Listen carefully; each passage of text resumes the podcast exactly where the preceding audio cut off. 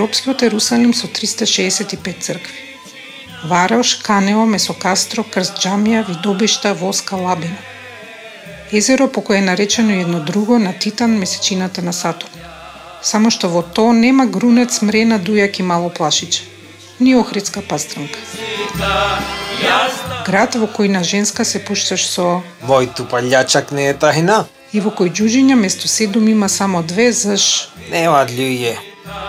Јас да те пречекам, ама луѓе имат. не можам јас да дојдам. Јас сум Илина Јакимовска. Добре дојдовте на подкастот посветен на животни истории кои ги нема во историските хроники. На луѓе на кои никогаш нема да им се направи споменик. Подкаст за обичните луѓе.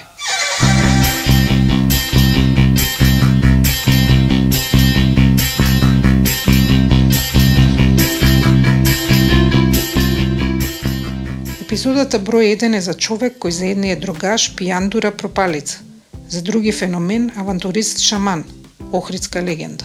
Слушајте, јас сум оригинал по име од Куран изваено Шерафедин. Шерафедин. А се пиши Шарафедин арапски, не можеш да. Шерафедин. Федин. Керим исто ми е име, Керим. да. Чунки немам презиме, презимето тогаш кога виена се тргна Ферхат и иначе. Ферхат? Да. А заш го тргна? Го тргна за да има со Интерпол муабети таму. Шерафедин Керим Ферхат Чекуш. Чекуш ми е сестра ми. Е поголем камалца од мене, е 49-та. Пардон, да, 49-та и појака беше од мене. Се тако ќе се нанивеше, ми викаше мене чекане, то не ми годеше мене и тогаш јас земав нешто, стрела земав, тегнало земав. Борба, та беше пак ова, од каубојките, јас бев индијанец, оригинал индијан, со стрели, тегнав овде, да ви си тегнав, Владо Цајкано не фаќаше, не ги гореше, други утрен, да не Кога почнал да живее во странство и таму така го викале, од им било полесно. И така да не им беше познат и ако му кажев на некоја швабица или шваба, тој заглас се пашеше што име му кажал. Кој имаше Шараф Альдин Керим, и тој ба за а тоа е муно. Така се викаме ние муно. И се ако сакаш значи знам исто да ти кажам ние, не? Животната приказна на Чекуш ја има регистрирано Ана Шталковска Гајтановска на 20 јануари, денот на рибарите, 2004 година. Тогаш Чекуш има 50 години. Седат во ресторанот Тино веднаш до неговата куќа. Речит и чешит, тој со часови зборува во чоечето, како што го нарекува диктафонот. А има и што да каже.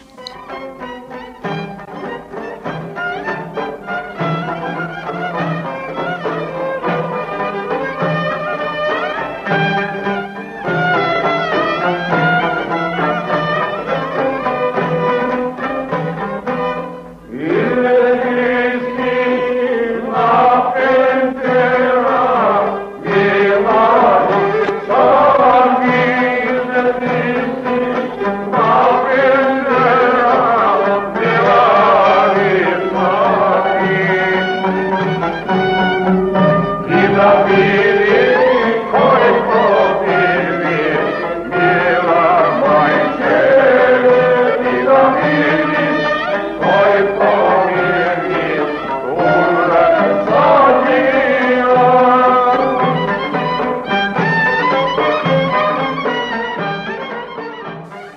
Првиот спомен на Чекуш е од 4 годишна возраст, денот кога му правеле сунет.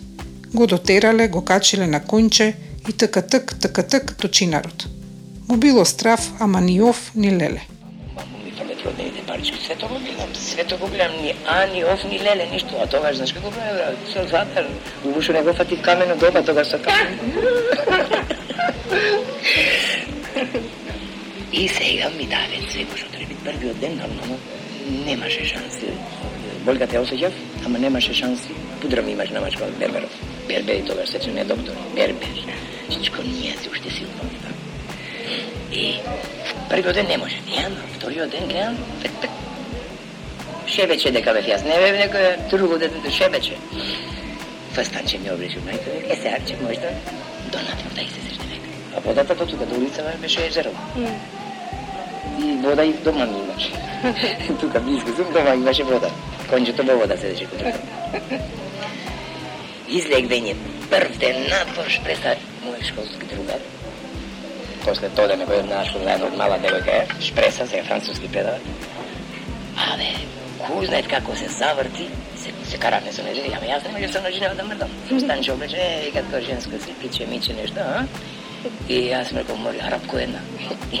Мал, и таја мала негота да покури. Лапта, чалмата, пук, долу, цела, доба е. Е, тогаш прв пат созним тоа. Ау, ме пресече, комада. Ајде, оđак имаше дома, ела мајко, беше, ела, ела, од китар, отвори ноđината, крв тече, те, кладене, памбучене, пак нешто. И на обед, и све си мислам дека, Од тој момент натаму, жените стануваат лајт мотив во животот на Чекуш. Жени од земјата и регионот, Србинки, мрбинки, овде, лап, лап, другари, сиве мои, моравме да имаме девојки. Београд кој ќе одев, тогаш не одев со жени. Дека има Београд чета, ствара ми се овде кој од детинство ќе запознав. Таа не ја фалам никако. Се залюби во една убава жена, тамошна, тамошна, што беа нивите неизни, Од Стојакова? Стојако, да имаше две керки, супер. Сама беше маж? Не, маж имаше, маж Имаше? Имаше маж. Не ми беше баш другар, ма во тоа друштво се пикаше тој кај што одев јас. Така и? Ова се зара- залюби во мене. Јас не. Каква беше? Пуфче црно, катра мало, чичне, бубарче, маличко, вака, ма ниско набиено, работливо девојче. И плюс мераклјена ово рака. Мераклија. Напредна. Напред. жени од светот, Се фатив со една девојка Далија Клајн, еврејка вака широка. Метар 60 висока, 128 кила тешка. Фаца на убава. Еврејка. Пучко, завршен потече ровно. Може, цицки, се иде цицки, гледај. Цицки, цицки, цицки. Овде ка цицки. Овде ка да нозе цицки. Многу. На нозерот. Абе, да нозете цицки вака, све вака. Да. Еднаш којдов само да платам во Истанбул, ме бенди се шест дебела, тие скапите оригинал турчинките. Оле, има такви куклички таму запознаени во Барселона. Не, во Плаја де Аројно, помало градче. 136 км од Барселона. и други жени. Проба веднаш кај Испанија ми испадна транзистит и избегав. Крај на 60-тите, а на патот на светската слава на охригјанецот Чекуш му стои само уште една работа. Југословенската народна армија. Кога дојде време за војска, реглутација, мигрутација, нешто. И јас секој правеше менгупуци, јадеше и даде јаде кромпир, јаде ја. Еден да ги скина. Те што знам јас? Мене ме земе за Белград, ме викат, за джунги сум од езеро Детенце, од овдека сум. Демек пулам, обналица супер 24 месеци. Супер, реков, пула, реков. Пет дена, реков, не му остану. Толку далеко, реков, јас да се, да се тргнам од град што наше, реков, нема шанс. И реков, ке се вратиме. Све си знае, знае во глава, ке се вратиме. И вистина, Чекуш не го примат војска. Раката му е трајно повредена од пат од дрво на 10 годишна возраст. А има и уште една оправдана причина. Е, шта, шта, ништа му брат. Шта? Рука ме боли, му, рука ме боли. Не могу да пулзам. Опиум ми мама дала још од малена. Туку едно време само ме ополи вака. Ми ја прегледа, рака ми ја прегледа, сапиве, мапиве, нешто ме слече тука гол предни. Жуп. Го дупе, дупе. Ајде, идоте так. Нешто ми го фали тук низ чули, толку почко книжче беше тоа. И фил го фали. И Јас сега од страф, не сакав да го отворам, а ми рече иди кучи ми. Па иди кучи, знам што значи. Ама не треш кажи, трпа ми е да го отворам. И до Белград стигам младе. Мечка зрав мене појке. Так, отворање за време, за време мира неспособен. За време рата позадинец. И штрам, штрам, чуден печат. Е, е, деца на сокропечина. Ослободите и да ме дома. Друга реден нема, све ојдено. Сите си ојде војска, јас само се вратив после три дена. Е, ба, немам другари.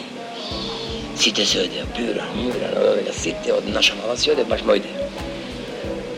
Што ме фаќат е, таа среќа некој, јас си имам че пушти тоа како дека овдека, дискотека дискотека подруми, људичка, никој, никој не пушеше овдека, јас так, луа, тап, цигаре, джоинт, имав тогаш прв, јас овдека трип имам закачено што со помало, уште помало. До 1972 година чекуше рад во Охрид. Ама не го држи место, таков е човекот. Со двајца пријатели тргнуваат за Виена, кај жена од охридските села, на печалба. До Марибор веќе ги имат потрошено сите пари. Последните 40 шилинзи Чекуш ги троши на нешто што му е од животна важност.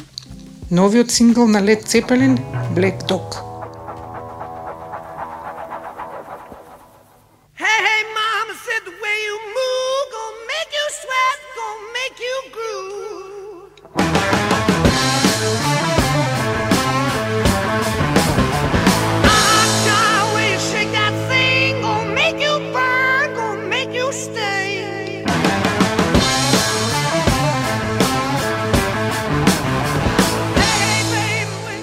Виенската приказна на Чекуш сега може да почне.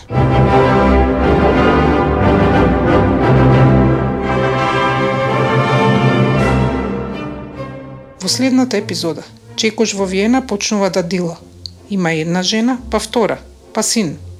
Спасува турчин од сообраќајка кој почнува да го снабдува со роба. Работата тргнува.